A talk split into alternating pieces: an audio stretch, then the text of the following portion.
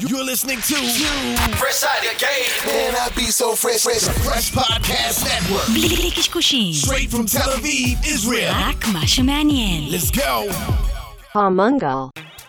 No matter what people want you to believe, don't ever turn back on your dreams.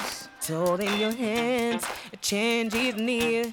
Close your eyes, listen, the sound is so clear.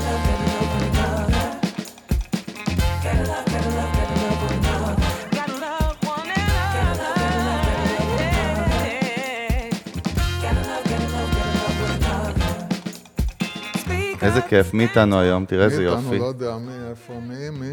אני אוהב להגיד. דוקטור, אז אני אגיד דוקטור לירז מרגלית. עד שמביאים פה מישהו ברוכה. השבה, בדיוק, עד שיש פה אנשים איזה מלומדים. כיף לחזור? פעם שנייה. אין הרבה בהיסטוריה של המנגל שזה שהם second timers. אני חושב שזה נבחרת של ארבע. כולל אותך.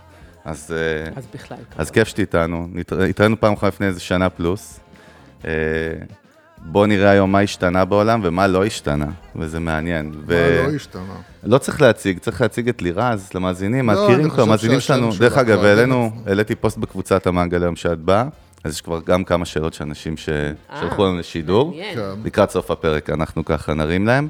זהו, יוסי, אני נותן לך לנווט את הספינה. רגע לפני, לפני, לפני, קודם כל, הנה, התחלנו. אה, לירז, בוא נרים קצת את הסושיאל שלך, לינקדין, נכון? אם כן. אתם עוד לא עוקבים אחרי- אחריה, שם אתם בבעיה. פייסבוק, איפה עוד? בטוויטר גם? אה, אני לא. לא, טוויטר בק- ממש ממש. מעייף, יותר מדי אה, פלטפורמות. האמת, כן, אה, כן. אני לא מצליחה לתמצת את עצמי למשפט. לא, כן. גם נהיה בעיה. נהיה מעייף שם. אבל אה, לינקדין, פייסבוק, נכון? נכון. אלה ה- אלה אלה הפלטפורמות. וכמובן הפודקאסט שלך, רגע, כן, יוסי, סקס, שנייה. סמים או, וסמארטפון. שם יותר יפה מהמנגל, אתה רואה? נכון, יותר... יותר איך- סקסי. יותר בדיוק, סקסי. זאת המילה. ואנחנו גם אה, נדבר על הקבוצה שלנו, כמובן. קבוצת, אה? קבוצת המנגל המנגל. בפייסבוק, שבה אנחנו עונים, מעלים תכנים ובאמת משלימים את ה... פה זה התיאוריה, שם זה התכלס כל החדשות, במיוחד כמובן AI ומה שקורה עם AI ואיך AI משפיע. ש-GPT, לגמרי. כן, ואיך זה משנה את העולם, ישנה את העולם, ובעצם אה, יגרום לכולנו לחפש אה, משהו אחר לעשות בחיים כנראה, חוץ מלירז, שהיא טוב, תמשיך כל הזמן לדבר. אנחנו, מהותנו היא לתת ערך, נכון? יאללה. ותובנות. מאיפה מתחילים, יוסי, עם לירז? מאיפה בא לך? אז זהו, אז אני מרגיש איפה שאנחנו צריכים להיות רלוונטיים, אה, ולדבר כאילו על אה, מה שקורה, לא, חס וחלילה לא פוליטיקה, אבל מה שקורה בכל זאת על AI וכל מה שזה הולך לגרום לנו. אה, אני, אחד הדברים שדיברתי עליהם פה, זה בעצם הרעש הגדול שהולך להתגבר עכשיו, כשבעצם תהיה דמוקרטיזציה של כלים לכל מי שירצה לייצר קריאיטיב, לייצר branding, לייצר דברים שפעם היו אצל המומחים, ועכשיו בעצם כל אחד יכול להשתמש בכלי. נכון. ופתאום כאילו אני חושב ש branding, אה, מיתוג ו- ו- ו- ויצירת ערכים ומוניטין וכל הדברים שאנחנו מדברים עליהם נהיו, נהיה יותר חשוב ויותר קריטי. מה ה-2 סנטס, השנקל שלך, לגבי מה העתיד בעצם אה, אז מציע לנו? אז יצא לי המון להתעסק, המון לשמוע, כבר ביקשו הרצאה על צ'אט GPT ועל איך זה ישפיע כן. עלינו. אז אני קודם כל רוצה לשדר פה מסר של הרגעה. או, כלומר, אני לא חושבת שזה יכול אה, להשפיע על, על יצירתיות. קודם כל, בואו בוא נשים את הדברים על השולחן. צ'אט GPT, אין שם יצירתיות. מה זה צ'אט GPT? נתנו לאלגוריתם מאוד חכם ללמוד לבד. מאיפה ללמוד? ללמוד מטקסטים מוויקיפדיה, ללמוד מאינטראקציות בין אנשים, לבוא ולנבא מה הולכת להיות המילה הבאה של הבן אדם, לבוא ולקבל המון המון מאגרים של מידע, זה כמו גוגל סרצ' למתקדמים, נתחיל מזה. עכשיו, נכון שהוא יכול לכתוב טקסט, אבל בכמה פעמים שאני ניסיתי להיעזר בו, בסוף אף פעם לא העליתי, הטקסטים היו אה. רבועים במידע, אבל לא היה שם שום דבר מעניין. עכשיו בואו רגע, אה, אני לוקחת כן את המקום כזה של הפסיכולוגית. ל- להבין מה זה יצירתיות בכלל. היום יצירתיות נחקרה המון בשנים האחרונות. עכשיו אני אגיד רגע משהו על יצירתיות. יצירתיות זה נושא שלא נגענו בו המון שנים, מסיבה מאוד מסוימת. מימי יוון העתיקה הייתה מין תחושה כזאת שיצירתיות זה משהו מיסטי. אפילו ג'ובס באחד הראיונות המפורסמים שלו אמר את הדבר הבא, אמר, אל תשאלו אדם יצירתי איך הוא הגיע לזה, כי הוא לא יוכל אי לשחזר אפשר את זה. להסביר, כן. זה מה שאנחנו גם קוראים מוזה, המילה. בכלל מוזה, נכון? בדיוק, זה משהו שקשור. לאלים, למשהו שנוחת עליך. לגמרי. ואז באו ואמרו, טוב, יצירתיות, אדם יצירתי הוא רק צינור, הוא רק המתווך. המוזה, האלוהית הזאת, כנראה יש נכון. עליו איזושהי שכינה, והוא פשוט מעביר את זה לעולם. זאת הייתה הגישה, אפילו של המדענים, אני מתביישת לומר, ולא נגעו בזה. ואז בשנים האחרונות, שהתחלנו, שנות החמישים פחות או יותר, מכשירי אה, FMRI, מכשירי סריקת מוח, EEG, מאפשר לראות את הגלים במוח, אנחנו יכולים להתחיל להתחקות אחרי היצירתיות של אנשים. וגילינו כמה דברים שתכף יתחברו לנו לצ'אט GPT ולמה הוא לעולם לא יכול להיות יצירתי. אבל יצירתיות, הדבר הראשון שנפריך, זה לא יש מאין, זה יש מיש. ולמה הכוונה? זה לא לברוא את העולם בשבעה ימים. זה לא, זה לא שלא היה פה כלום ואני מתחיל ליצור. יצירתיות זה לקחת אלמנטים קיימים ולשנות את החיבור ביניהם, אבל לא סתם. לא סתם עכשיו אני אדביק כנפיים לדג ואני אגיד וואו יצירתי. לא, זה לא יצירתי, זה צריך לתרום באיזשהו אופן לעולם. זה צריך לגלות לנו משהו חדש על עצמנו, שנבוא ונאמר את הוואו. עכשיו, מה התהליך שמקדים ליצירתיות? אז אנחנו רואים, כשאנחנו מסתכלים על מדדים של אנשים יצירתיים, אנחנו רואים דבר מעניין. אנחנו רואים קודם כל שיש להם יציבות נפשית, אבל יש להם גם, אה, הם יוצאים גבוהים במדדים של פסיכופתולוגיה. אתה לא יכול להיות באמת יצירתי אם אתה לחלוטין מחובר לקרקע. זה אחד הדברים שאנחנו... אז אני רגוע. כאילו, אני מבין, יש עכשיו מסביר עכשיו הרבה הכל דברים, מסביר הרבה מסתדר. דברים, אוקיי. כן. עכשיו, אה, אפילו כשאנחנו מסתכלים, וזה מאוד מעניין לגבי ה-chat GPT ולמה הוא לא יכול להיות יצירתי, אחת הדרכים המעניינות למדוד יצירתיות זה באמצעות שטף, שטף של אסוציאציות. אני עכשיו זורקת Flow לכם. כזה, נכון? כן, סטארבקס, תגידו לי, תזרמו, בואו נעשה רצף של אסוציאציות. עכשיו, הסתכלו על אנשים שהם, אה, אה, פעם קראו לזה אספרגר, היום קוראים לזה אוטיזם בתפקוד גבוה, אבל שהם איפשהו על הרצף, והסתכלו על אנשים שיש להם סכיזופרניה פרנואידית, שזה האלוזינציות, וזה הלשמוע קולות, וזה מישהו מדבר אליי. הסתכלו על רצף האסוציאציות של שתי סוגי האוכלוסיות האלה, וראו שאצל אנשים אה, על הרצף, אה, מה שהיה אספרגר פעם, הם מאוד מאוד נוקשים ביצירתיות שלהם. אם אני אגיד סטארבקס, הכי הרבה שהם יצליחו להגיע זה בית קפה, זה קפה, זה דברים מאוד מאוד בסביבה. אם אנחנו לוקחים את לא הסכיזופרניה... להרחיק כאילו מה... ב- ב- הוא לא מרחיק הרבה, כן. הוא מאוד מאוד נשאר בסביבה, מאוד נוקשה, מאוד צר. אם אני לוקחת סכיזופרניה פרנואידית, שזה הקצה השני של הספקטרום, אני אומרת להם סטארבקס, הם יכולים להגיד לי לדינוזאור. ואתה לא תצליח לבוא ולהתחקות אחרי איך הם הגיעו לזה, כי, כי הם מאוד מאוד אסוציאטיביים, זה גם לא טוב. מה שאנחנו רואים על אנשים יצירתיים, שהם פחות או יותר באמצע, אבל יותר קרובים לסכיזופרנים, בהרבה, מאשר לתפקוד הגבוה, רק שכן יש להם, אבל בסוף הרגע, הקטע של יצירתיות זה לא להישאר שם, אלא בסוף להתחבר לקרקע, כי אם אני אהיה רק במקומות האלה של הדינוזאור, זה לא ייתן לי כלום. עכשיו, צ'אט GPT, כשנסתכל עליו, מה שהוא עושה, הוא לומד, הוא לא יודע לשנות את החיבורים בין האלמנטים. עכשיו, מי יהיו האנשים שיצליחו? אנשים שיצליחו את הידע שלהם לשלב עם הצ'אט GPT. כלומר, לא לבוא ולהגיד, בסדר, תכתוב לי טקסט ותכתוב לי אותו כמו שייקספיר. זה לא יצירתי, זה יכול להיות מעניין, זה יכול להיות מסקרן, אבל זה כבר אה, פסה. מה שכן, כשאני מסתכלת למשל, על לבוא ולייצר טקסטים ששואלים שאלות. אז אני לא אגיד לו, בוא תשאל שאלה אה, בריאיון, אלא תשאל שאלה ולתוך זה תכניס communication style למשל, סגנונות התקשרות.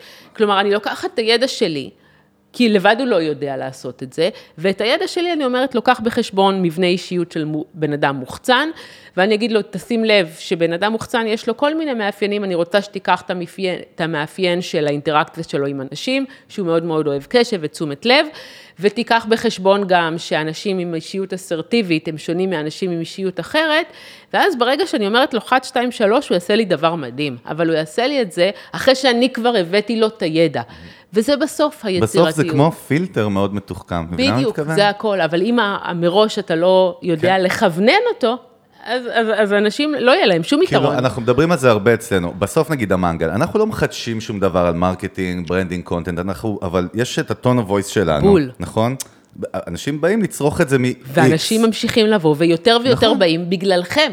נכון, כי, כי בגלל- רק את התוכן אני יכולה לצרוך. בדיוק, אפשר אבל לצרוך אתה אותו מביא בכל לי את מקום. הזווית היוניק שלך, צ'אט GPT לא יודע להביא זווית יוניק, ואם יש לך את המנגנון היצירתי, את הפילטר היצירתי במוח, אז אתה תוכל להתקדם עם הצ'אט GPT. אם לא, אז אתה תהיה עוד אחד, ולכן זה לא מפחיד. למה כולם מפחדים עכשיו? כי מישהו דואג להפחיד אנשים, או שזה חלק, מה שנקרא, התרבות האנושית? אז אני אגיד ככה, תראה, אמ,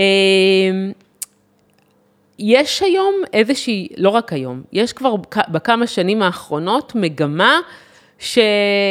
שאנחנו אוהבים דרמות, אנחנו אוהבים סצנות. עכשיו, יבואו אנשים ששומעים אותנו ויגידו, תמיד אהבנו, נכון, אבל משהו השתנה, משהו מהותי השתנה.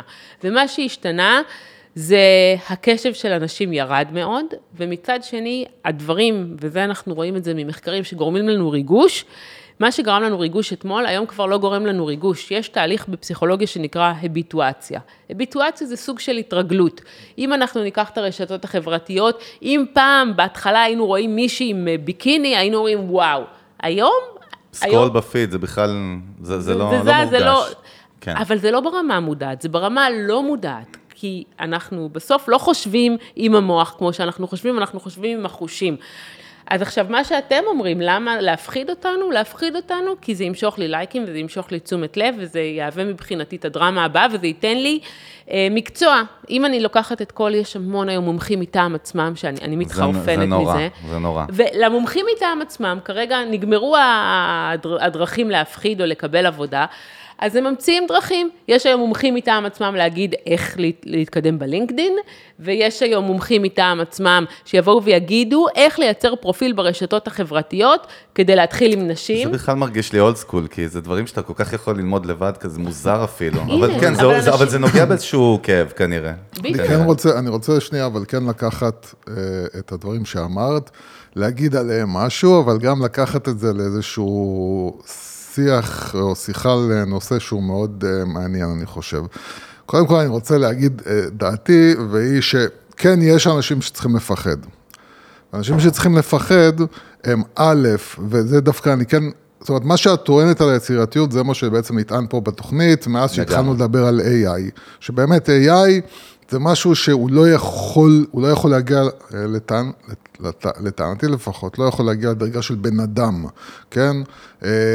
אבל יש... אה, יש איזה משהו במה שאמרת, גם בזה שבני אדם הש- השתנו, ואני לא יודע אם זה באמת בגלל הרשתות החברתיות, אבל באמת נהיה פה קטע של רגש שעולה, ומשחק על רגש, ואנחנו חושבים דרך הרגש, ופתאום אנשים, אנחנו רואים את זה בעיקר בחדשות שאנחנו מקבלים, איזושהי אה, כותרת כזאת שאנחנו צריכים בשביל להבין בדיוק מה קרה, להיכנס ולקרוא, ואף אחד לא כן. קורא, ובעצם כולם רואים את הכותרת ויוצאים מהכותרת הזאת, ואנשים נהיו מאוד מאוד מאוד שטחיים, ומאוד לא מעמיקים, ומאוד משחקים את המשחק על זה. אה, השאלה? אני חושב שה-AI באמת, הוא הולך לפגוע בהמון אנשים כמו מתכנתים, או כל בן אדם בעצם שחושב ב patternים, אני חושב שהמשרה שלו בסכנה גדולה מאוד. אני חושב שיש דמו, דמוקרטיזציה של קריאטיביות, ופתאום אנשי מקצוע ביצועיסטים, אנחנו לא נצטרך אותם, והתגלו לנו אנשים יצירתיים חדשים שהיו מוגבלים בגלל טכנולוגיה, שפתאום לא יהיו, לא יהיו מוגבלים ויוכלו להוציא את היצירתיות שלהם, כי יש טכנולוגיה שמבצעת עבורם את זה. אבל נוצר בן אדם חדש. נוצר בן אדם חדש, זה... לא יודע כמה שנים אחורה, את אולי יודעת יותר ממני, אבל נוצר בן אדם חדש, אנחנו צריכים להגדיר אותו, ואני אגיד לך למה, אנחנו צריכים להגדיר אותו גם כי אנחנו צריכים להבין ולשים לב לזה, כדי לא להיות אנחנו הבן אדם החדש הזה שנוצר. והייתי לא להיות שמח, הבן אדם, לא הבנתי. הייתי שמח, אני מקווה שאת מבינה אותי יותר. אני לא מבין, אתה. נותן פה מניפסט כבר חצי שעה, לא, לירז פה הגיע, אבל לא יודע מה אתה רוצה. בשביל זה היא דוקטור. אני איבדתי את הקשב שלי. תוך נכון, אה. זה הבעיה, כן, שאיבדת את הקשר, אני אבל היא יש לה קשר מצוין. ו... אז אני אפרק, כן. ברשותך. את מה שאמרת ברשותי או. שלא ברשותי, גם כן אפשר. דבר ראשון, דיברת על המשחק על הרגש ברשתות, נושא שדיברנו עליו הרבה, אבל אני כן רוצה לתמוך אותו במחקר, אחד המחקרים שאני באופן אישי הכי אוהבת, אוקיי. פרינסטון 2015. רצינו לראות האם אה, ניתן בצורה מדעית להגדיר bullshit. אוקיי. ויש כל מיני סוגים של bullshit. נכון. יש את ה bullshit של ההוא במסיבה שמספר איך למעשה טסלה היה רעיון שלו. זה bullshit מסוג אחד, אוקיי. שאנחנו מסתכלים ואומרים, בסדר. יש bullshit מסוג אחר של האימא שמספרת בהתרגשות שהבן שלה היה אמור להיות במחוננים, אבל היא רצתה שיהיו לו חיים רגילים, זה עוד סוג של bullshit. ויש בולשיט שאנחנו רואים אותו ברשתות. עכשיו, במחקר הזה הם התמקדו בסוג מסוים של בולשיט, שבא ומדבר על אה, כל מיני משפטי כלום. מה זה משפטי כלום? משפטים שנשמעים מאוד עמוקים, כאילו יש בהם איזשהו אמת, אבל בסוף אין בהם כלום. אה, אנרגיה זה המציאות שמכוונת את כל העולם שלנו. כן. או תמיד סטיקרים. תקשיב לאמת הפנימי שלך וככה תגדל. ורצו לראות מי האנשים שמסתכלים על המשפט הזה ואומרים וואו, אוקיי. ויש כאלה, תתפלאו. הדוב- לא הדוב- יש, לא יש. אלה שאומרים את המשפטים לא, האלה? אלה לא. אלה שצורכים? שצורכים אלה אחריהם, שצורכים כן, אותם. אוקיי. להגיד, יש, אגב, יש, דיברת יש. על AI, כן. אז הצלחנו ליצור AI שיוצר משפטי bullshit. כל יום נתנו לו איזשהו pattern, כי מסתבר שגם למשפטי bullshit יש pattern כדי שהם יהיו, יישמעו טוב. אוקיי. והוא כל יום, אני אתן לך אחר כך, אם אתה רוצה לשים לינק, אה, כל יום ייצר לך משפטי bullshit. אוקיי. משהו מאוד מעניין.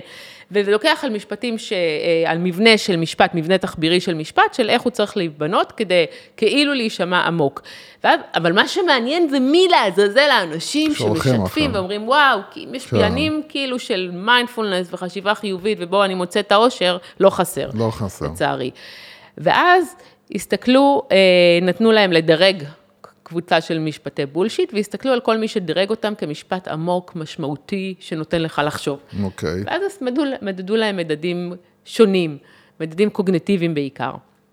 והראו שהאנשים האלה מאוד נמוכים באינטליגנציה, ומאוד נמוכים במה שאנחנו קוראים חשיבה רפלקטיבית.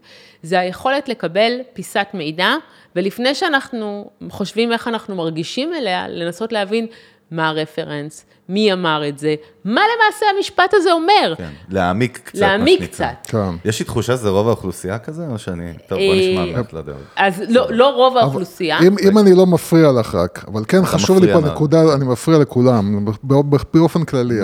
אבל אם את יכולה שנייה להגדיר לנו אינטליגנציה. כן. תראה, אינטליגנציה, אם אני עכשיו הולכת לפי החוקרים, זה מה שמודדים מבחני האינטליגנציה, ובשנים האחרונות אבל יש אה, מקובלות סוגים שונים של אינטליגנציה, ולא רק. אה, הרי אינטליגנציה יש לה שלושה רכיבים, יש לה את הרכיב המילולי, את הרכיב של החשיבה המרחבית, שזה שאני נותנת לאנשים לעשות כל מיני סימולציות מנטליות בראש, בוא תזיז את המשולש ואיך הוא ייראה, ויש את המרכיב אה, של ה, מה שאנחנו קוראים חשיבה מתמטית, של בעצם אה, היכולת... אה, חישובית. חישובית ומספרית וכו'. יש לזה שלושה מרכיבים. עכשיו, אנחנו כן רואים קורלציה מאוד גבוהה בין אנשים שמצליחים בכל הרכיבים, ואז אנחנו רואים יש להם איזשהו מרכיב G, שהוא מרכיב משותף, שזה מה שעומד היום בפני אינטליגנציה, מבנה אה, SAT, בפני כל מבחני האינטליגנציה, למרות שהיום אנחנו מתחילים לזוז מזה, כי יש אנשים עם אינטליגנציה נמוכה מהסוג שתיארתי של G, אבל יש להם כישרון ריקוד יוצא מן הכלל, או כישרון עם הסביבה, או אינטליגנציה רגשית, ולכן היום מתחילות להיות מקובלות עוד ועוד צורות של אינטליגנציה, אבל במבחן הזה... חזרה למחקר, כן. כן, במחקר הזה, מה שנבדק זה אינטליגנציה אולד פשן, אוקיי. שהיא בדקה שני מדדים, היא בדקה חשיבה רפלקטיבית, שזה היכולת שלכם עכשיו להקשיב לי, ולנסות להבין מה בכלל אני אומרת, אם זה בולשיט מוחלט או לא, ו-need for cognition. need for cognition זה אותם אנשים שרואים משהו ולא מסתפקים בו. אומרים, אוקיי, אז יש בוויקיפדיה את הערך הזה, אז בואו נקרא עוד ערך, בואו ננסה להבין מה עומד מאחורי זה, ומי, ואתה רואה את זה בסוג השאלות שאנשים שואלים. אנשים שמקבלים דברים as is, הם אנשים עם מדד, מדדי אינטליגנציה נמוכים. והדבר הכי מדהים שנמצא במחקר הזה, שמסתכלים על האנשים האלה ונותנים להם לקרוא את המשפטים, אחרי שהם קוראים את המשפטים, הם מדרגים את עצמם כיותר אינטליגנטים, בגלל היכולת כאילו הזוי. להתעמק. הזוי הפוך על לגמרי. הפוך. רגע. רגע, זאת אומרת, כן. אתם מסתכלים על המשפט, קוראים אותו, ואז מה? מרגישים יותר חכמים מרגע שהם קראו את המשפט, אוקיי, הבולשיט שנכתב עבורם. אוקיי. זה זה ממש הפוך על הפוך, זה כאילו, אוקיי, מעניין. אבל אז אנחנו צריכים להבין עם מי אנחנו חיים. כשאתה מדבר על האנשים ואיך אפשר לשחק בהם, אז זה לא רוב האוכלוסייה, אבל כן אנחנו רואים שמעל 50 אחוז מהאוכלוסייה, הם, זה המון, אה, זה המון, זה המון. עכשיו, אה, כשאתה מדבר רגע על, אה, על האדם החדש, האם אנחנו רוצים להיות אדם שלמעשה חושב בתבניות, אז לא. אנחנו לא רוצים להיות שם. לא, לא, אני לא, הש- השאלה שלי אחרת. קודם כל, האם את, האם יש איזשהו זיהוי שאנחנו הולכים ונהיים יותר הבן אדם הזה שאת מתארת, שאין לו את האינטליגנציה ולא עובר את המבחנים האלה, אז לא, ומסתכל על המשפטים לא, ה... לא, כי מי ש... כי זה בסוף מרכיב גנטי מאוד זהו, חזק. ביולוגי בכלל, זה נכון? ביולוגי. זה זהו. ביולוגי? ה-80% מהאינטליגנציה שלנו היא קשורה לגנים. 80 אחוז. וגם כשאנחנו עושים מחקרים עם תאומים שמופרדים בלידתם, אוקיי. אז אנחנו רואים, המון אנשים יכעסו עליי מאוד. עכשיו יגידו, אבל יש מרכיב של ההורים, ואומרים שאם יש. יותר ספרים, נכון. כן. כל זה נכון, אבל אנחנו באים עם מטען גנטי מסוים של בין 70 ל-80 אחוז, אפשר לשכלל אותו, אבל אנחנו רואים שילדים מאוד אינטליגנטים שהופרדו בלידתם במשפחות מצוקה, הם ימצאו את הספרייה, והם ימצאו את הדרך להשיג מעניין. ידע, והם יחפשו רגע, אני אותו כל רוצה הזמן. לעצבן עוד יותר, כי לא הצבענו, לא הצבענו באמת, אבל יש קשר בכלל בין אני קורא ספרים ורואה סרטים בפולנית לבין אינטליגנציה? מה זאת זה- אומרת? אני לא מבין מה אני- אתה שואל גם. אני אגיד לך ככה, העולם מסביבנו מגדיר אנשים אינטליגנטים ומאוד מתפעל מהחל מאנשים שיש להם תואר אקדמי, ועד אנשים שקוראים המון ורואים סרטים בפולנית, ו... למה בפולנית? סתם, לא זה. חמותי, נו. טוב, כי אה. אז הוא מדבר על המשקעים שלו. זה משקעים, כן. אבל אני אומר, יש כאילו, כן. כשאנחנו מסתכלים, כשאנחנו חושבים מי זה אינטליגנט, אנחנו, יש לנו איזה דמות שהאם בכלל זה קשור לאינטליגנציה? לא, אז, אז כשאנחנו מסתכלים על אנשים אינטליגנטים, זה לא בהכרח האנשים שיבואו ויספרו על זה שהם אינטליגנטים, להפך, אנחנו רואים הפוך. קורלציה הפוכה. אוקיי, זה מעניין. אנחנו רואים שאנשים שיש להם הרבה ידע, הם לא בהכרח האנשים שירוצו להגיד שיש להם הרבה ידע, ודווקא אלה ששואלים את השאלות כדי להראות שיש להם ידע, הם בדרך כלל פחות מבינים. אוקיי. אנחנו רואים את זה, זה, זה נשמע מוזר, אבל מי שיש לו אינטליגנציה, האינטליגנציה שלו נותנת לו סוג של ביטחון, שהוא לא בהכרח חייב להראות אותה מעניין. לכל זאת העולם. אומרת, יש לו, זה אנשים עם ביטחון עצמי יותר גבוה? וגם, נקודה כן, מעניינת. וגם נ- נמצא מחקר שמתקשר לזה איכשהו בנטפליקס, שכנראה אתם מכירים אותו, שנטפליקס באים ושואלים, רוצים לראות מה אנשים הולכים לראות- לצפות בסוף השבוע. אוקיי. ורוב האנשים מדברים על אה, סרטים ממלחמת העולם הראשונה, סרטי דוקו על המוח, נכון. ובסוף הם רואים אמילי בפריז. במקרה הטוב, דרך אגב. כן. במקרה הטוב. זאת אומרת, אז- הם אומרים משהו אחד... הם לא משקרים אגב, אבל זה בדיוק העניין. הם הם מאמינים בזה הם באותו מאמינים רגע, בזה, נכון. כי בגלל הניהול רושם שלהם. אז אנשים אוקיי. מאוד חשוב להם לנהל את הרושם, ומבחינתם הם יגידו שהם רואים סרטים בפולנית, כן. אז, אז כן, הם יצאו אה, ככאלה יותר אינטליגנטים, אבל נמצא יחס מובהק, מעבר למה שאמרתי, בין מי שמנסה להשתמש בניהול רושם ולהראות כל הזמן בדרכים שונות כמה הוא חכם, לבין אינטליגנציה יותר נמוכה. וכמו שנמצא קשר, לא בדיוק אותו דבר, אבל בין אנשים שמעלים תמונות של זוגיות מאוד טובות, וכל האלה, אני לא יכול בלי אשתי, ומזל כן. טוב, ואני אוהב אותך, ואת אהבת חיי, לבין הסיכוי שהקשר לא יחזיק מעמד לאורך זמן. זה, זה מנותק לך, זה, זה מימד אחר, בקיצור. מימד אחר. מה, מימד שאנחנו אולי רוצים להרגיש שאנחנו שם מצליחים בול. יותר? תחשוב על הזוגות האלה, למשל. יותר קל להסביר עם הזוגות, כי זוגות בטח. כאלה, הם מאוד- אוהבים ברעיון של להיות מאוהבים. הם צריכים להראות שיש להם מישהו, הם מאוהבים ביכולת להראות לעולם שהם מאוהבים, אבל פחות בבן אדם עצמו, כי ככל שאנחנו יותר אוהבים את הבן אדם עצמו, אין לנו שום צורך לשתף את האינטראקציה שלו נכון, עם כן, העולם. נכון. עם אינטליגנציה, ככל שאנחנו בטוחים בעצמנו יותר, אנחנו לא נצטרך להראות ולכתוב בזיקוקי דינור, אני מומחה מטעם עצמי לאסטרטגיה. אנחנו, אנשים יבואו אלינו בלי קשר, וככל שאני סתם מומחית לעיצוב התודעה, אם אני אבוא ואצעק שאני מומחית לעיצוב התודעה, אף אחד לא ירצה שאני אעצב לו את התודעה. זה דברים שאמורים לעשות אה, בצורה סמויה, בצורה שהיא סאטל, ו- ואז כל מי שהפוך, כל מי ש-overdo it, כן.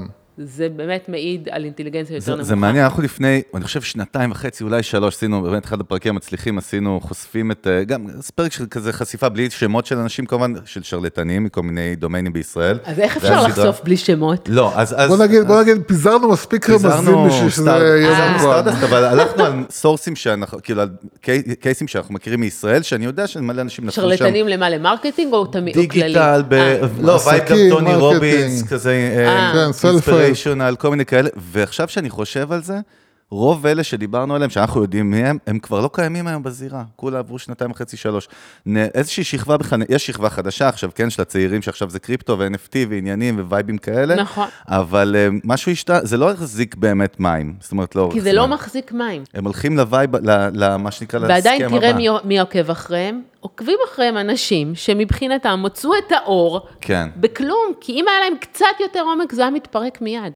אבל רגע, שאלה, שנייה, יוסי, אתה דרשת פה ממש כמו במלחמת העולם השנייה לפני המלחמה, אתה במרתפים שם. אז אתה- אתה אמילי- אתה אמילי בפריז ואני מלחמת העולם. השנייה. יפה. לא דומה לאמילי? בחייאת. אתה רק לא יודע מי אתה בסדרה. אבל- אה, שנייה, שאלה. אני לא ראיתי, אה, אהה. כן. אני אתה- כי אתה רואה סרטי אני מלחמת העולם ניסיתי, כי אני השנייה. אוהבת לדעת על מה כולם מדברים, אני- אבל התייאשתי אחרי שלושת רבעי פרק, זה היה קשה. ופשוט נסעת יש- לפריז. לא, עדיף אבל יש לנסוע יש לפריז סיבה מאשר לראות. שבקורונה, יש סיבה שבקורונה זה דווקא התפוצץ. דיברו על זה לא, הרבה. הכל- כמו אלכוהול שזה היה את האסקפיזם שהיא חווה בשבילנו את החוויה ואת כל ה shit הזה. אבל שנייה, יש פה, אנחנו בזמן האחרון אוהבים להגיד את המשפט המפורסם של קלוטר ראפאיי, לא, האגדה הצרפתית. או, או. יוסי מאוהב. קלוטר. אחד מהאגדות ב marketing באמת עוד מה-70's, שהוא תמיד מתחיל את ההרצאות שלו ב-The Reptile Always Wins. המוח הרפטילי תמיד מנצח, ככה הוא מתחיל את ההרצאות. וזה גם לדעתי ה-closure, כי נכון. ככה זה, כי אין משהו אחר. עכשיו, יש את האלמנטים האלה, אנחנו מדברים בסוף על marketing ועל פרסונות ועל אפיון של בני אדם בכלל. יש דברים שזהים לנו, נכון? אה, באבולוציה, כמו שנקרא לו, במוח הרפטילי הזה. זאת אומרת, מה שאמרת עכשיו, נגיד, באינטליגנציה זה שונה. נכון. אבל יש את הדברים בסוף שגם לא. הפרופסור למדעים וגם הקבצן ברואנדה מתנהגים אותו דבר. או יושפעו נכון אותו דבר. הדברים האלה כאילו נשארים, זאת אומרת, הם יישארו לעוד הם- הרבה כן, שנים. מה- זה כן. בדיוק מה שאנשים לא תמיד מבינים. המוח שלנו לא משתנה בקצב של הטכנולוגיה או בקצב של הסביבה. שינויים אבולוציוניים הם שינויים של לא מיליוני, של מאות מיליוני שנים. ובמשך מאות מיליוני שנים עוצבנו באופן מסוים. זה כמו, יש לזה המון המון אספקטים, אבל למשל, אה, גברים ונשים. נשים משום מה חושבות שבגלל כמה שנים של מיטו ופמיניזם הם הצליחו לשנות תפיסות שהיו מושרשות במשך כל כך הרבה זמן. עכשיו למשל, איך אני חושפת את זה? אני עשי- עשיתי מחקר ומסתבר שמעל 70 אחוז מהנשים, זה המון, בצורה אנונימית מוכנות להגיד, הן רוצות להיות מחוזרות, הן רוצות שהגבר ישלם, הן רוצות אה, שהגבר יעשה כל מיני מחוות רומנטיות, וקשה להם עם השוויון. הן אפילו אוהבות- אבל. כן, גבר אלפא. עכשיו, למה? שניסיתי להבין את האנונימיות, הן אומרות, כי זה לא מקובל היום לחשוב ככה. אז, אז זה משהו שבאמת השתרש באבולוציה, ולמה? כי אה, מסורתית, האישה היא זו שנשארה עם הילד, לגדל את הילד בבית. כדי שאת תוכלי לגדל ילד, את צריכה סט מסוים של תכונות, כמו להיות אמפתית, להכיל, להיות שם בשביל הילד. את לא יכולה לבוא ולהגיד לילד, טוב, אל... אל תינוק עכשיו, אני לא, אני לא רוצה להאכיל אותך עכשיו, כי אני צריכה עכשיו לעשות משהו אחר. אין דבר כזה. זה מפתח את הבן אדם בצורה מסוימת, לעומת גבר שיוצא לציד, שהוא צריך תכונות מצ'ואיסטיות, תכונות אה, יותר מעשיות, תכונות פרקטיות, תכונות שבהן יש פחות אלמנט רגשי חזק. זה משהו שהוא לא משתנה בכמה שנים שבהם אנחנו נמצאים בתרבות המערבית. אותו דבר ל marketing.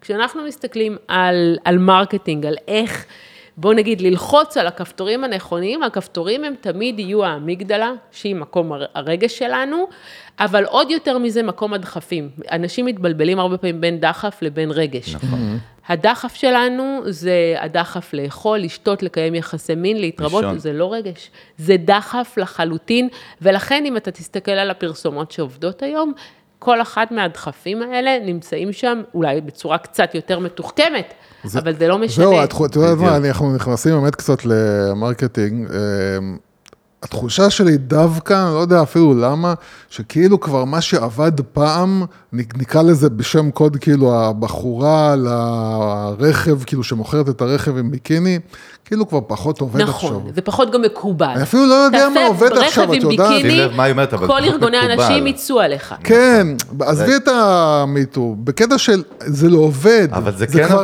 לא, זה אני לא כבר מסכימה. אני לא, אני אני לא, לא חו- חושבת. אני לא חושב, אני לא יודע, זו התחושה שלי, שכאילו אתה כבר צריך לעבוד על מוכר. דברים... סקס תמיד ימכור. השאלה היא איך, אתה צריך היום כן לייצר כאילו- יותר תחכום עם הסקס, זהו. אבל כן אחד הדברים שראינו, שהוא גם אז היה נכון, פשוט לא ידעו אותו, שככל שהסקס, אנחנו מסתכלים על זה במחקרי מוח, ככל אוקיי. שהסקס הוא יותר מרומז ומשאיר יותר מקום לדמיון, הוא עובד הרבה יותר טוב. מעניין.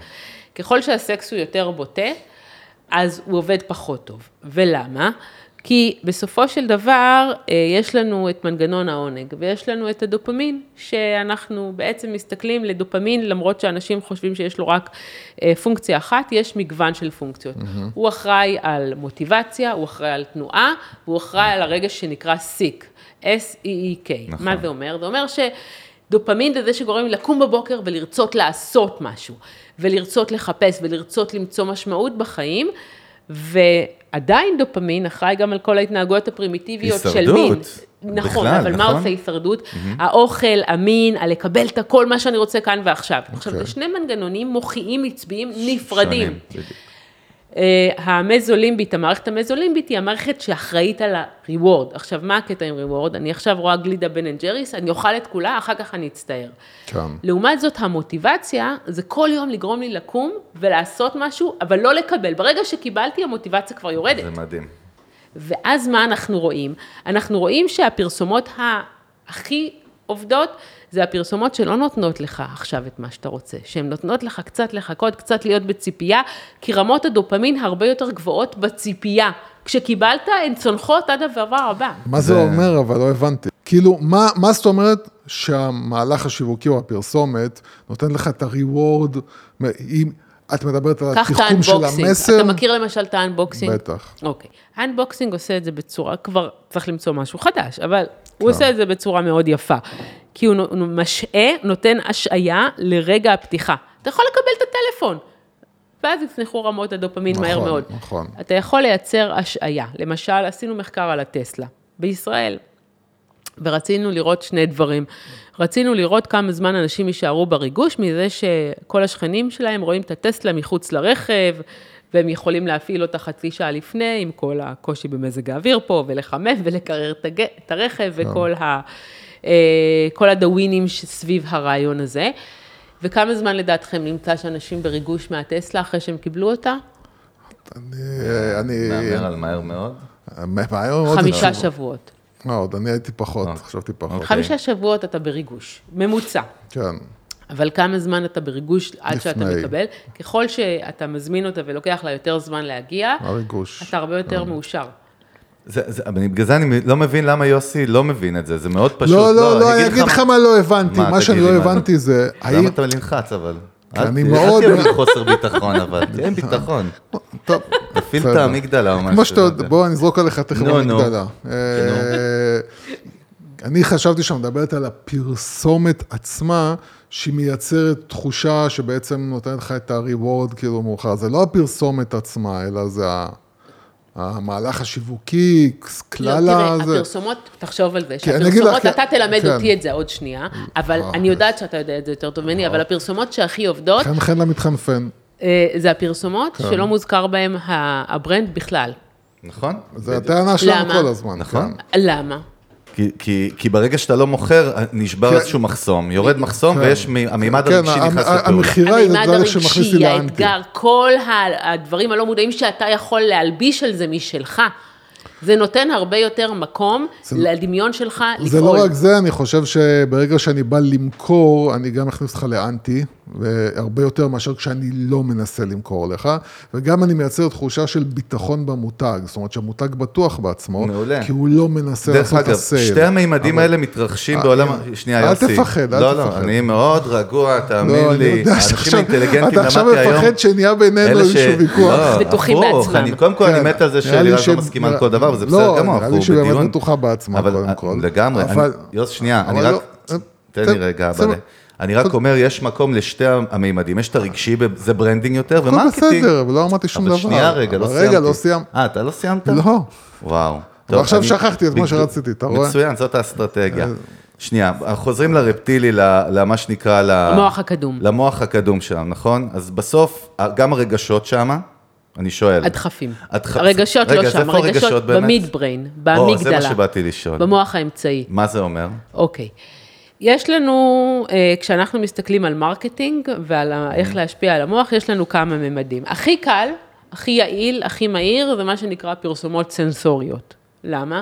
פרסומות שאתה רואה את הגזים של הקולה ואת כל התחושה הזאת של הצ... או וה- ההמבורגר שמתפצל והשכבה עם ה... זה מדבר למה שאתה קורא המוח רגש. הקדום, אמ, וזה גזע המוח. גזע המוח הוא אחראי לכל הדחפים או לכל הפעולות הכי בסיסיות שלנו, שזה נשימה, שזה אכילה. בלי זה לא נוכל להתקדם, להתקיים. והוא גם אחראי על הנשימה אגב, כדי שנבין את סדר החשיבות שם. עכשיו, ככל שאנחנו יותר צריכים את ה... בוא נגיד, בגלל זה, יש לזה איזושהי משוואה מאוד ברורה. ככל שאני יותר רעבה, זה יותר ישפיע עליי. ככל שמזמן אה, לא קיימתי יחסי מין, בדיוק. זה יותר לא ישפיע עליי. ישנתי יומיים עכשיו, נכון? גם. בדיוק, בדיוק. כל הדברים האלה מאוד משמעותיים, כלומר, אפשר מאוד לשחק עם זה, כי, כי זה, זה הבן אדם שהוא חיה. אנחנו עולים שכבה. אנחנו עולים שכבה ורמת המורכבות עולה. שכבת האמיגדלה מדברת על הרגשות, בעיקר על האגרסיות, על פחד, על אה, תסכול, על רגש של הנאה, על רגש של אה, שמחה, של אהבה, כל זה נמצא באמיגדלה שלנו.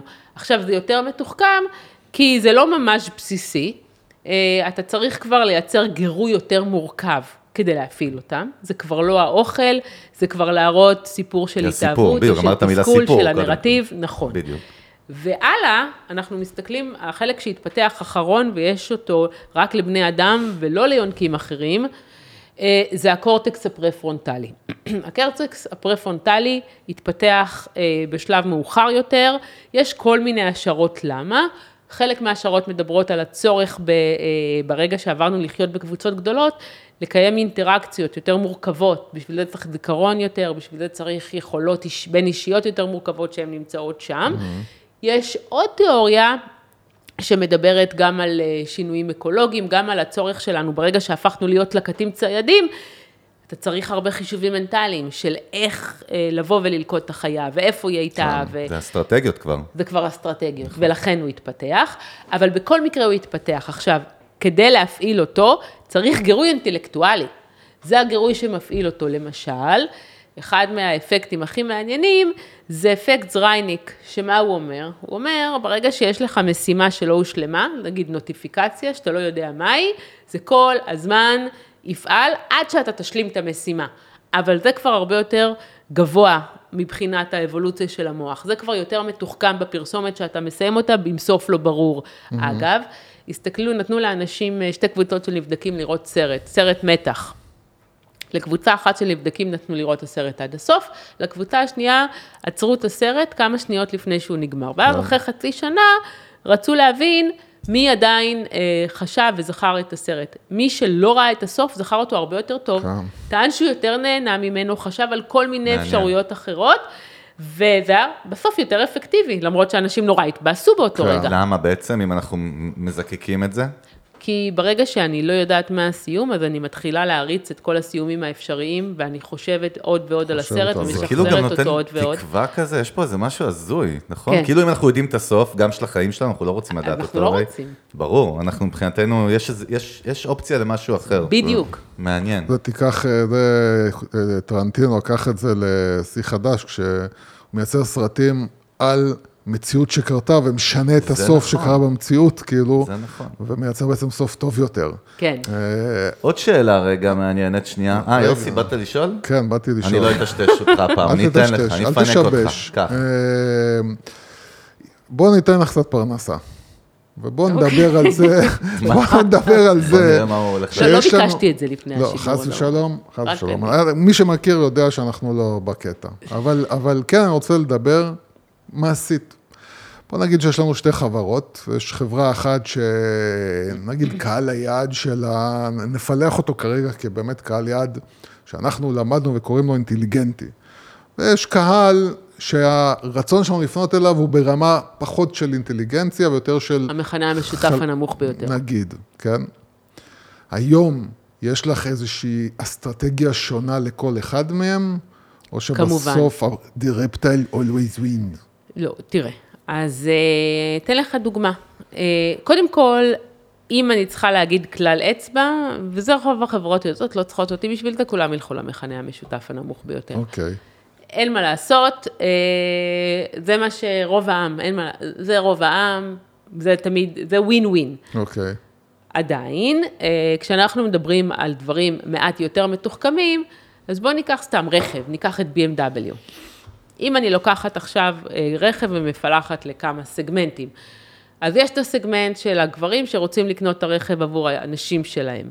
אוקיי. כאן אתה לא יכול לדבר על המכנה המשותף הנמוך ביותר, כי הגבר רוצה להרגיש נכון. את הביטחון. עוד יותר מזה, סליחה שאני קוטע אותך, רק הזכרתי שבמקרים כמו premium products כאלה, זה משתנה תרבותית ממדינה למדינה. נכון. יעני בישראל, מי שתראי נוסע על BMW שחורה, שחורה. גדולה, זה פרופיל מאוד מאוד מאוד מסוים. מאוד ברור. כשתיסעי לגרמניה, אתה רואה פתאום vibe אחר לגמרי. לגמרי. שזה מאוד מעניין ששם זה משתנה תרבותית. נכון. זה אגב. לגבי מה שאמרת על השחורה, כי אני לא אמרתי את השחורה, אבל זה נכון. פשוט זה הדבר הראשון שקפץ לי לראש. אחד הלקוחות אה, אמר שסיפרו לו שהגבר רצה, רצה, מהילדות שלו הוא רצה. עכשיו, חד- הוא כן. בחור חכם וזה, כן. והוא גר ברמת שרון. כן. הוא אמר, אשתו אמרה לו, אוי, אם הוא נכנס עם הרכב לרמת שרון, היא עוזבת את הבית. אשכרה, היא עוזבת את הבית. כן. מעניין. והוא אמרה, אף אחד מהשכנים לא ידבר איתי, אני אומרת לך. אצלו בכלל זה איזושהי כאילו סטמפה של I made it אולי, נכון? כן. משהו כזה? כן, מהילדות. בדיוק, ה- מהילדות. ו- והוא בסוף נאלץ לוותר. מעניין. רגע, קטעתי אותך באיזושהי לא, נקודה אז אני אומרת, אחרת. אז זה סגמנט מסוג מסוים, שכאן אתה חייב לדבר רציונלית. אתה חייב לדבר, כן, אתה תקנה לאשתך ולילדים, והם ירגישו נוח וזה. ומצד שני, למשל, המון פרסומות מראות לנו, שכשאנשים נכנסים לרכב, בעיקר שחור, אז הם אה, הרבה פחות אה, נחמדים על הכביש. כלומר, אה, הם הרבה פחות ייטו לעצור למישהו שצריך עזרה. מעניין. הם, נכנסים לדמות, ואז אתה רוצה להבין מה הדמות שהם נכנסים. זה לא סתם סמל סטטוס. נכון. זה סמל של אה, אנשים גם מאוד, אה, שלא מעניין אותם משום דבר, ושהם לא רואים דורסני, כלום בעיניים, דורסני ומשהו קצת. דורסני, והם נכנסים לתוך הדמות הזאת, קטע. ואז אתה מדבר על, ה, על הרגש. זאת אומרת שאדם יכול מאוד, יכול- כאילו, זאת אומרת, יכול להשתנות, יכול להיות בן אדם אה, עם דמות מסוימת לפני שהוא נכנס לרכב. תראה, המותגים כן. שאנחנו בוחרים מאוד עוזרים לנו, רגע, לדמויות. כן, נכון. בטח. בין אם זה עזוב את ה-think differently של אפל, שהוא כבר יצא מכל החורים, כן. אבל בסופו של דבר כל מותג, אפילו כשאתה הולך עם אדידס, ללכת עם אדידס בלי שרוכים, זה אמירה זה מסוימת. statement, נכון. זה statement, כן. שהיא לא קשורה לר... לנעל ולריצה, ול... זה statement מסוג אחד. וללכת עם נייקי זה statement מסוג אחר, וגם אפילו איך שאתה לובש את הבגד, אתה לובש אותו הפוך, אתה לובש את הכובע, ואיך אתה לובש את הכובע, זה הכל דברים שבאים לעזור לך להגדיר את עצמך. בדיוק אתמול דיברתי עם חבר, יש איזושהי קולקציה מדהימה, לא יודע אם ראית שגוצ'י ואדידס עשו ביחד לפני איזה שנתיים. לא. אחד הדברים הכי יפים שראיתי בחיים. הם לקחו בעצם, עשו brand collaboration limited edition, שיצרו בגדים שהמעצבים של גוצ'י ואדידס עשו ביחד, עם אדידס הלוגו הישן של ה-70's, אה, וגוצ'י, וואו. וזה מאוד יקר, ואני אהבתי על זה, עכשיו העליתי על זה גם פעם פוסט, כאילו, על סיפור שם, זה נמכר רק בגוצ'י ולא באדידס, ואז לפני כמה ימים אני רואה שבאדידס ישראל פתאום מוכרים כמה פיסים מזה. ואז הלכתי, קראתי, ומסתבר שהעשירים לא קנו את הקולקציה הזאת. וכאילו הלכתי, קראתי קצת, התחלתי לחפור ולהבין, כאילו למה, זה, לי זה הדבר הכי מגניב בעולם, וזה גם יקר, רצח. מסתבר שברגע שחיברו להם את אדידס, הצרכנים של גוצ'י, ברגע שלי זה נראה swag ומגניב, וכאילו, אה, fashion, כאילו, שבוע אופנה בפריז וזה, אבל אצלהם זה בסוף היה תפיסה של יש פה אדידס על הלוגו, אנחנו לא רוצים, ועכשיו זה עבר. למכירה ב e-commerce של. אדידס, כן, בישראל. את יכולה לקנות את הפיסים. פעם זה היה ללכת לחנות מדהים. בפריז ולקנות. אז, זה אז אני. כן אגיד לכם שעשיתי לאחרונה, אה, מגיע אליי יזם, הרי עכשיו יש לי חברת מחקר, יש לי אה, בוט ששואל שאלות, אה, במקום שאני אראיין, אז יש לו אינטליגנציה רגשית. אז ככה אני עושה את מחקרי הצרכנים שלי. ואז מגיעים אליי חבורה של יזמים, חמישה יזמים, ומספרים לי, לא הם הגיעו, הם שלחו מישהי להגיד לי את זה, אבל שיש להם שטח ליד שדה התעופה, והם רוצים את השטח הזה לנצל לנדל"ן, אבל הם רוצים לבנות שם אה, אה, קומפלקס של אה, אה, מבנה בוטיק, אבל הם לא רוצים את ה-old fashion בוטיק, הם רוצים להבין מה היום נח- נחשב סטטוס. אוקיי. ואז זה עשיתי... מעניין, סטטוס השתנה. בדיוק, אוקיי. הסטטוס השתנה מאוד. ואז עשיתי מחקר, וראיתי שכשאני מסתכלת על מה זה סטטוס היום, מה זה אליטה, סליחה, לא מה זה כן, סטטוס כן, היום, זהו. מה זה אליטה, אז האליטה של היום, אם פעם האליטות, מה שהם עשו זה לקחו מאפיינים מאוד ברורים ובולטים, ומה שאפיין אותם היה הבולטות, הרולקס, שאומר שיש לך כסף נכון. להשקיע בשעון, או הרכב הגדול ליד הבית, או הבית הבית עצמו, הענק, נכון. או החפתים שפעם לקחו. אז היום זה השתנה, והיום לפחות בארץ, אם שם הסתכלתי עם עוד קולגה מה קורה שם, אז זה ניו יורק טיימס, אז כאן זה קורה הארץ, ופילאטיס, ואוכלים רק אורגני, ולימודים מאוד משמעותיים שם, וזה דברים שלא מדברים עליהם, מדברים עליהם רק בקליקה הסגורה, והדרך להתבלט היא לבוא ולדעת מה, אה, מה אמרה אתמול אמירה הס בהארץ, מעניין. ולא בהכרח, אה, ולא בהכרח לבוא עם הרולקס, ולהפך, עבורם הרולקס זה אפילו דוחה זה קצת. דוחה, זה- זה, זה- זה, זה וולגרי כאילו, וזה זה גס. אני של חי ב-. ב- נכון. ב- בעולם הטק, והרבה מהחברים שלי, וגם של יוסי, מהיזמים הכי מצליחים בארץ, אתה לא רואה את האנשים נוסעים ברכב, נכון. ועם טישרט שחור בדרך כלל פשוט, וכאילו באמת, כאילו מה ש... טוב, אני אבל, מבין. לא, אבל פה, זה, זה- גם, זה- פה גם האליטה, זה תלוי באמת באיזה תעשייה אתה מדבר, כי האליטה ב- בהייטק, והאליטה נכון. ב- בעולם, ה, לא יודע מה, התעשייה, זה, אבל זה מה שאנחנו שואלים. דירה, זה קשור לגיל או קשור לתעשיות? לא, זה קשור לתעשיות, למשל, יש אה, את אחד מבנקי ההשקעות בשוויץ. פנו אליי נציגים שלהם, ואמרו לי, תראי, לירז, יש בארץ המון כסף, אנחנו רוצים את הכסף הזה, סליחה, לא בוטות. בסדר, זה הביזנס, לא? זה- כן. זה הביזנס שלהם.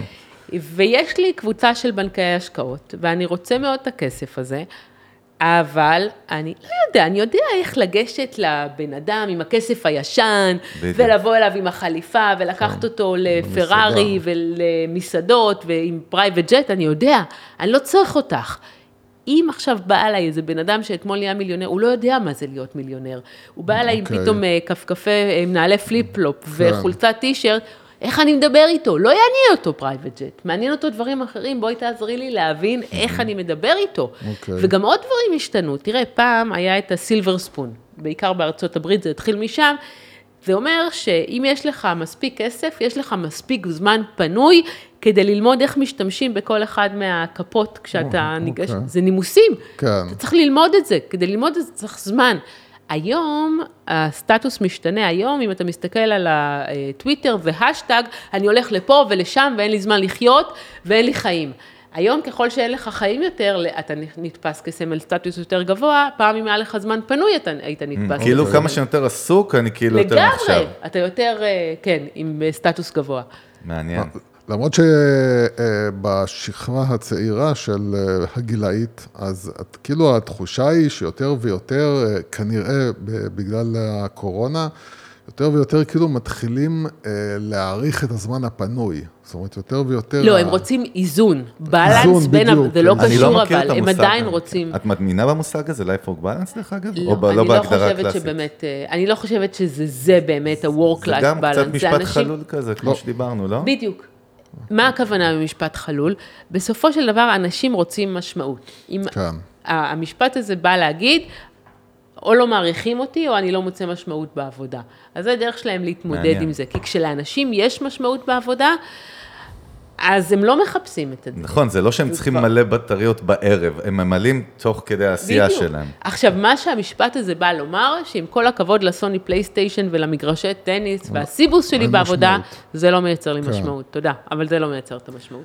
תגידי שאלה, יש משהו, בעצם מדברים, אני לא אוהב להגיד Gen Z, זה מרגיש מאוד בומרי, Gen Z, לא Gen Z, זה, זה בני אדם והם כבר, זה, Gen Z זה גם, יכולים להיות גיל 24-5, מאזינים של הפודקאסט, זה בכלל לא, אבל בסוף מדברים על זה שהקשב והריכוז האנושי, אני לא אדבר על אה, מגזרים, ופוחת. הולך ופוחת, נכון, מצד שני, הפורמט שאנחנו מדברים בו כרגע, הוא הפורמט הכי ארוך במרכאות מייגע שיש בעולם, פודקאסטים. הכי אהוב. הכי אהוב, הכי rising star, ג'ו רוגן, פרק שלו ממוצע זה עדיין, שלוש וחצי, ארבע שעות, זה עולה שלוש פעמים בשבוע, הוא בפרק אלפיים, יש לו מאות מיליוני מאזינים, איך זה מסתדר? כי זה הכי הפוך, מ- כאילו, זה לא מאות, אבל חוק. זה לא נכון, זה לא מאות לא, מיליונים. קודם כל, אתה, קוראים זה לך לא מאות? מיליונים. איזה זה- לא, איזה זה- יופי. זה חשוב להבין שזה לא מאות זה מיליונים. מאות כי מיליונים. אני חושב, לא. זה מאות לא, זה מיליונים. לא נכון. אבל אנחנו נמצא את אבל הנתון. אני אגיד רגע, לך לא, למה, אבל לא אגיד לך למה אני. מתעקש על זה. כי אני חושב שזה, כן. כל הדבר, כמה זה נחמד שיש גם פורמטים ארוכים ומעמיקים, בסוף השאלה זה איפה רוב האנשים מתחיל להיות. יוסי, כאילו. שנייה, אני אשאל אותך שאלה פשוטה.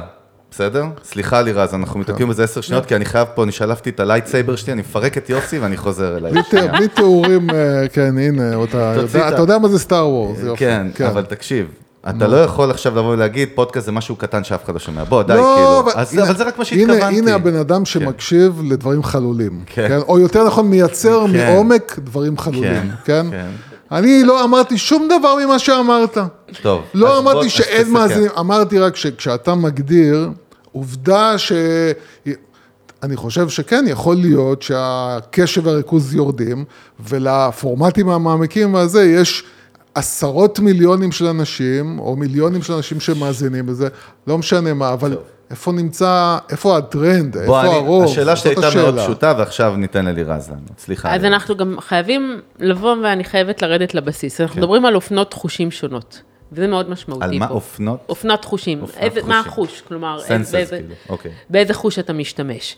עכשיו, אה, כשאני מסתכלת על הצורך שלי לבוא ולקרוא מאמר מול אה, הקשב שלי כרגע בתחרות על מטורף. מאות פיסות מידע שמגיעות אליי כן. עכשיו. עכשיו, ההשוואה של המוח שלנו בצורה לא מודעת, כל מה שאני אומרת זה תהליכים שקורים בצורה לא מודעת, זה כן. בין היכולת שלי עכשיו לבוא ולהעמיק בפיסת מידע הזאת, או לקבל את המידע כמו שהוא. רוב הזמן אנחנו נכשלים. כלומר, רוב הזמן אנחנו מעדיפים לא להשקיע את המאמץ, אלא אם כן נמצא, אה, נמצא גורם אחד שכן גורם לנו להשקיע, אם הנושא הזה ב- מאוד חשוב לנו, מאוד בדיוק. משמעותי עבורנו. כן. עכשיו, פודקאסטים, הפלטפורמה הזאת, נותנת לנו כמה דברים. קודם כל, נותנת לנו להתעמק ולעשות עוד פעולה. נכון, שזה משהו כדי. שהוא מאוד משמעותי. מדהים. כן. כן. אנחנו יכולים ללכת, אנחנו יכולים להיות ברכב, זה מעביר לנו את הזמן. נכון. דבר נוסף, עוד משהו לגבי הקול, המאמץ הקוגניטיבי שלי להקשיב למשהו בלי לראות, הרבה פעמים גם עושים את זה עם וידאו, כן. אבל בלי לראות, בלי לקרוא, זה בעצם כמו storytelling, ו storytelling זה משהו שבמהלך מיליוני שנות אבולוציה הייתה הדרך המרכזית לצרוך ידע. מדהים. וזה חוזר, מחזיר אותנו לדרך שבה המוח שלנו כבר רגיל לצרוך ידע. אז יותר קל לנו להתחבר לזה ברמה הלא מודעת. זה מה בדיוק. שאנחנו אומרים, ל channel הזה. ויותר מזה, הסתכלו על כל מיני צ'אנלים, אז למשל פודקאסט כמו שלכם, אה, הוא הרבה יותר engaging מפודקאסט כמו שלי, כי יש פה אה, למה? אינטראקציה בין אנשים. אה, אוקיי, ברמה הזאת, אוקיי. נכון, של כאילו חד משמעית. של- נכון, הדינמיקה אצלנו היא לא קשורה לה, כאילו לאורח, אם, או- זאת אומרת, לא, כשבן אדם, כשבן אדם אחד מדבר מול, מול משהו שקורה, זה יותר מעניין. מעניין. כאילו. זה הרבה יותר כן. מעניין זה כמו לאנשים. roleplay, מה, הצגה, זה כאילו, אתה חווה סיפור. זה כמו סוג של רכילות. אנחנו מאוד אוהבים, אם נגיד אנחנו רואים, לא אוהבים להקשיב לכל שיחת בית קפה, אבל אם אנחנו רואים, איך היא עשתה לו את זה, כן, הוא נכון, בגד בה, כן, כן, אנחנו כן, פתאום כן. הקשב שלנו, כי זה נכון. storytelling, כי זה הדרך של המוח שלנו לצרוך מידע. עכשיו יותר מזה אני אגיד. אה, אחת הדרכים, יש אה, אה, תיאוריה חדשה שנקראת brain coupling. זה אומר שכשאנחנו מספרים פרטי, פרטים ועובדות, או שאנחנו צריכים לקרוא, אז החלק מסוים במוח, בקורטקס הפרפרונטלי שלנו פעיל. כשאנחנו מקשיבים לסיפור או לאינטראקציה כמו פה, אז גם הוא פעיל, אבל גם החלק של הסיפורים פעיל, של האמיגדלה, של הרגש מתחיל להיות פעיל, ואז אם אנחנו מסתכלים על מה קורה במוחות שלנו ושל הצופים עכשיו, הם מסתנכרנים. יש ממש את אותו דפוס. מדהים. ברגעים העוצמתיים, או כשאתם אה, רגע באיזושהי מריבה מצחיקה, כן. אז פתאום אנחנו רואים שהאזורים האלה אצלהם במוח פעילים, ברור. וזו דרך הרבה יותר יעילה לעשות engagement לאנשים, מאשר לתת להם לצרוך מידע כן, בדרך אני רוצה אחרת. ל- להיתפס שנייה, כי כי זה זמננו, זמננו כן. מצומצם, אבל כן, אמרתי זה משהו ואני, וזה, נגעת באיזושהי נקודה מאוד מאוד בעייתית, ש, ש, שאם נצליח להבין ממנה איזושהי תובנה, זה יעזור מאוד מאוד מאוד למאזינים שלנו. אה, אה, דיברת על הפרץ של התכנים, ועל זה שיש תכנים שאנחנו מקשיבים להם או שמים לב אליהם יותר מאשר תכנים נכון. אחרים. יש באמת איזשהו אה, הנדסה של תוכן, שאנחנו יודעים שאם אנחנו עושים א', ב', ג', ד', אנחנו ברור. נתפוס את תשומת הלב של הבן ברור, אדם. תראה. אה, זה מתחיל מפטי וקסיופו. פטי וקסיופו ואחר כך כהנמן, גם דיברו על זה בדרך שלהם, אבל זה נקרא, מי שרוצה להסתכל, Elaboration Likelihood Theory. תיאוריית אה, בעצם אה, סבירות המידע. למה זה נקרא ככה? כי הם באו וניסו לשאול במילים לא מפוצצות ולא פלצניות, מה הסיכוי שבן אדם יקרא את מה שאני אה, אבל לא רק יקרא, גם ישנה את אה, העמדות שלו. אוקיי. ואז הם הראו שני נתיבים לשכנוע, הנתיב הפריפריאלי והנתיב המרכזי לשכנוע. הנתיב המרכזי לשכנוע, אתה צריך להשקיע זמן, משאבים, אנרגיות, אתה צריך לאבד, להבין את התוכן של מה שאתה קורא. הנתיב המרכזי לשכנוע, זה הטייס האוטומטי שבו אנחנו עובדים רוב הזמן. הנתיב הפריפריאלי לשכנוע מדבר על הטעויות קוגניטיביות, למשל, שמנו לב שאם אני שמה בן אדם עם חלוק של רופא, אז הוא יישמע כיותר סמכותי, גם אם כתוב הבן אדם נכון. המציג אינו רופא. אם אני מראה מספר טיעונים, ואני אומרת להם, באפשרות א', אפשרות ב', אבל באפשרות א' יש 50 טיעונים עם V, באפשרות א' 20, אז רק זה ש-50 יותר מ-20, לא משנה שהכל בולשיט מוחלט, אוקיי. אז זה תופס אותי. כל אלה קשורים לנתיב הפריפריאלי. עכשיו, יש עוד משהו, למשל, אחד הניסויים הכי מעניינים מדברים על cognitive ease או cognitive fluency, זה מושג יחסית, יחסית חדש בפסיכולוגיה, ומראים לשתי קבוצות של נבדקים מתכון לעוגת שוקולד. מתכון מאוד פשוט, אבל בפעם אחת זה בפונט מאוד קטן ומסובך להבנה, ופעם אחת זה בפונט מאוד גדול. ואז שואלים אותם שתי שאלות, כמה זמן לדעתכם לוקח להכין את העוגה, ומה הסיכוי שתכינו. כשזה אותה, אותו מתכון כן. בדיוק בפונט שהוא קל להבנה, זה 8.2, בפונט המורכב כפול 2 זמן, מטורף. והסיכוי שהם הכינו, יכינו את העוגה בפונט הקל הוא כפול 4.5. אז אנחנו רואים שהאופן שבו אנחנו כותבים, איך אנחנו כותבים, אפילו מילים בכותרת, שאני שמה סימן שאלה, שאני שמה מספר בכותרת, זה מאוד משמעותי, כל מיני דברים כאלה שהולכים לנתיב הפריפריאלי. כל זה לא תקף אם באמת לבן אדם יש רצון ומוטיבציה, אבל שאני מעדיפה שהנחת הבסיס של כולנו, יש שלאנשים אין רצון ואין מוטיבציה אוקיי, לקרוא נכון. אתכם. כאילו, תראי איזה יופי, סטיב ג'ובס, כולם אוהבים לקחת את הדוגמה שלו מהמצגות שלו, הפיצ'ים באייטיז. בן אדם הזה לא סיים אוניברסיטה בכלל. נכון. הוא כאילו לא למד את כל מה שאנחנו מדברים פה בצורה כאילו אקדמית, או אקדמית. גם אפילו לא hands on, הוא לא בא. והמצגת שלו עד היום היא masterpiece בכל מה שאנחנו מדברים פה. איך הוא היה מציג על במה דברים. עם המשפטים הקצרים, עם הפונט הנכון, לחזור, הסיפור. החזרתיות. החזרתיות וה one more thing בסוף, כאילו כמו הדרן כזה, זה הכל, זה, זה מדהים. טוב, מה, אני אלך לשאלת מה, אנחנו לא נספיק לא. כבר שאלות. לא, אבל אחת, אה, יאללה, ניתן לה, תן, יש לנו תן, פה יאללה, בקבוצה. תן שאלות, טוב, אז טוב. ניתן אחת מהקבוצה, ששאלו את. לירז. אה, בנימין בניה, אחד המאזינים שם, שואל, כמה ידע לדעתך צריך לתת ללקוח על מנת שיקבל ביטחון בהחלטה לרכוש דף, אה, מוצרים בתחומים שהוא לא מבין בהם, כמו משכנתה, ביט- ביטוח או medical? אני אנסה להבין את השאלה, אולי צריך כמה, כזה... כמה מידע לא, אתה. צריך... אז זהו, לא- אני לא כן. יודע אם, טוב, הוא דיבר על מידע, אני לא יודע למה, אבל טוב, שאל- מידע, שאלו אותך, כן. אז... אה, אז כמה שפחות. כן. אמ, trust, נכון, אני מניח שאנחנו מדברים פה על trust, אני נכון? דווקא, לצערי, אני מצטערת, אני הולכת לצאת מאוד רע, אבל צריך לייצר יוסי- פחד. יוסי רק שומע את זה, הוא כבר מבסוט, כי כן, אנחנו אוהבים מעולה, קצת- מעולה. שיהיה לא, לא, מה, כן. כן, תגידי, כן, אבל אל. תתביישי, ביטחון עצמי. אז הדרך לעשות את זה, זה לייצר פחד. אמ, ככל שהבן אדם יחשוש, ככל שאני אגדיל את גורמי הסיכון, ככל שאני אראה לו בצורה יותר מוחשית מה עלול לקרות אם הוא לא יעשה את זה, אז הסיכוי שהוא יקנה אה, גבוה יותר. זה כמו שבבוקינג, ברגע שהתחלנו לעשות, חמישה אנשים שונים מסתכלים על כן. המלון שאתה נמצא בו עכשיו, אז פתאום המכירות עלו ב-40 כן. אחוז. או, אז, אז אנחנו, עכשיו גם אנשים שיודעים את זה, אחרי שאני מספרת להם את זה, זה עדיין עובד. עובד. כן, כי זה בכלל בא מהמנגנונים שציינת. קודם, זה לא קשור לכמה מלומד אני או זאת אומרת, כמה... ממש לא אז התשובה היא שלא צריך לתת הרבה מידע, אלא צריך פשוט צריך לעורר... להפך, אה, ככל שאתה נותן הרבה יותר מידע, הרבה פעמים יזמים, באים, מספרים סיפורים, זה לא מעניין אף אחד. הכי זה לא. מעניין אף אחד, אנשים לא זוכרים, ואנשים עוברים הלאה. אתה צריך לרגש, ושהבן אדם ידע תוך שנייה what's in it for me. אם לא עשית את זה, אין לך סיכוי. מעניין. יש לי מקום להשחיל. יש לך קטנה. יאללה, תראה איזה. כיף, אנחנו נצטרך עוד אחד, נשחיליישן. לירז, אין מה לא, לא, לעשות. זהו, עשית את זה, מה יהיה? עשית את זה מעניין מדי, זה לא בסדר. אה, שאלה שהיא חוזרת על עצמה, כי היא מאוד מטרידה אותי. יש דרך לגרום לאנשים לעשות משהו שהם לא רוצים? על הם כל הזמן מהלך- עושים משהו שהם לא רוצים, הגזמת, אחד לא, משהו הוויכוחים שממש הכי לא בא מעניינים, להם. אז בוא, אחד הוויכוחים הכי, הכי מעניינים היום בפסיכולוגיה, בין חוקרי מוח לפילוסופים לפסיכולוגים, זה אה, שאלת הרצון החופשי. אוקיי. אני מהאסכולה שטוענת שאין לנו שום רצון חופשי. איי, איי, איי. אה, עכשיו, תראה, איך אנחנו יודעים את זה? מה היה המחקר הראשון שבדק את זה? אנחנו מדברים על שנות ה-70, ולוקחים נבדקים, ומה שאומרים להם זה תרימו או את יד ימין או את יד שמאל, לבחירתכם לגמרי, תבחרו אתם איזה יד להרים, אבל כשאתם מחליטים להרים את היד, תסתכלו בשעון בדיוק ברמת השנייה שבה קיבלתם את ההחלטה המודעת להרים את היד. כן. אוקיי. ואז מסתכלים גם ב-EEG, כי אז עוד לא היה FMRI משוכלל, אבל מסתכלים על, אה, על התנועות, בעצם על גלי המוח שלהם.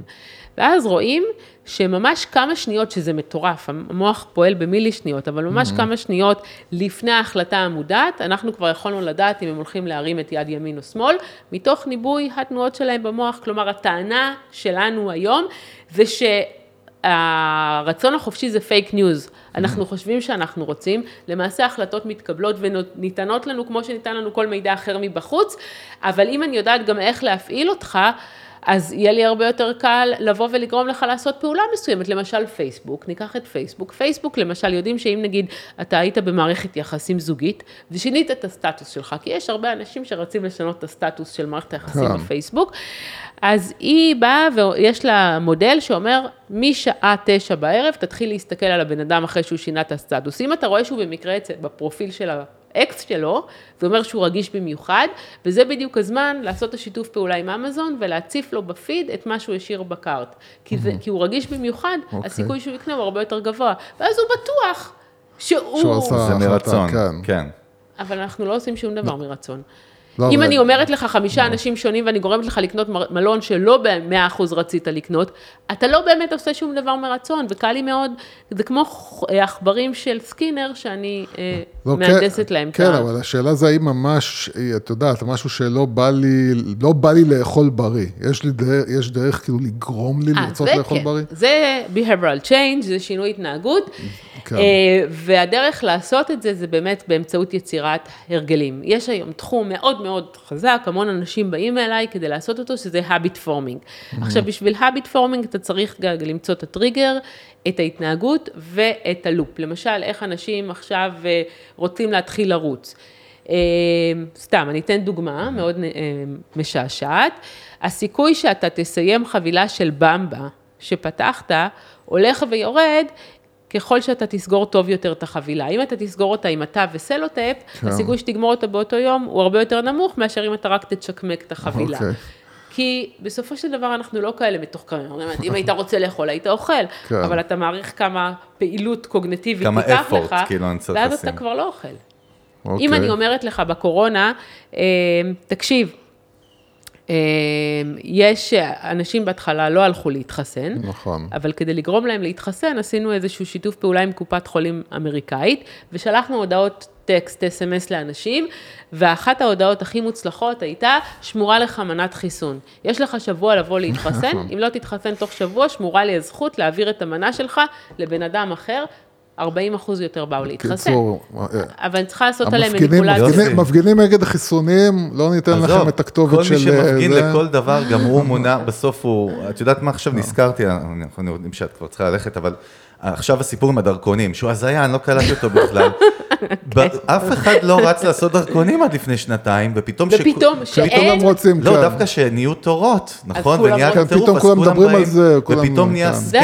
ו- ה-urgency effect, נכון. זה אבל מדהים. כ- אז זה לא בעיה לשנות אנשים, זה לא בעיה להשפיע עליהם. לא, כי יש, דברים שכאילו באמת, כמו שדיברת על, אה, יש דברים שבאמת נראה כאילו שלהוציא, לשנות לבן את ההרגל, במיוחד בבריאות, זה כאילו דבר אז שהוא... אתה אף פעם לא יכול לשנות לבן אדם הרגל, אתה צריך להחליף הרגל אחד בהרגל אחר. בדיוק. אי אפשר לשנות לבן אדם זהו, אבל איך אתה... טוב, זה לפרק הבא, יוסי, אתה שואל פה שאלות עמוקות. טוב, בפרק הבא אנחנו נגמור לכם את העישון. לירז, זה קודם כל תודה. רבה, היה כיף כמו תמיד היה ומעשיר. כיף, ממש. אה, ובהצלחה, כמו את, לא, אנחנו לא דואגים לך, את אה, רצה תמיד קדימה בלי לעצור. לינקדין כמובן, פייסבוק, דוקטור לירז מרגלית, והפודקאסט, נכון? גם ספוטיפיי, אפל, בכל המקומות. כן. אה, יוסי, אנחנו קבוצת המנגל, אני לינקדין, אני אינסטגרם, אתה כלום, אין לך סושיאל מדיה, יותר כלום, טוב, יותר אפס, בשבילי. אני לא קיים. אה, פייסבוק, וזהו, מה נגיד לכם, תודה רבה, אוהבים אתכן יאללה. כמו תמיד. תראה בפרק הבא. היה כיף. תודה.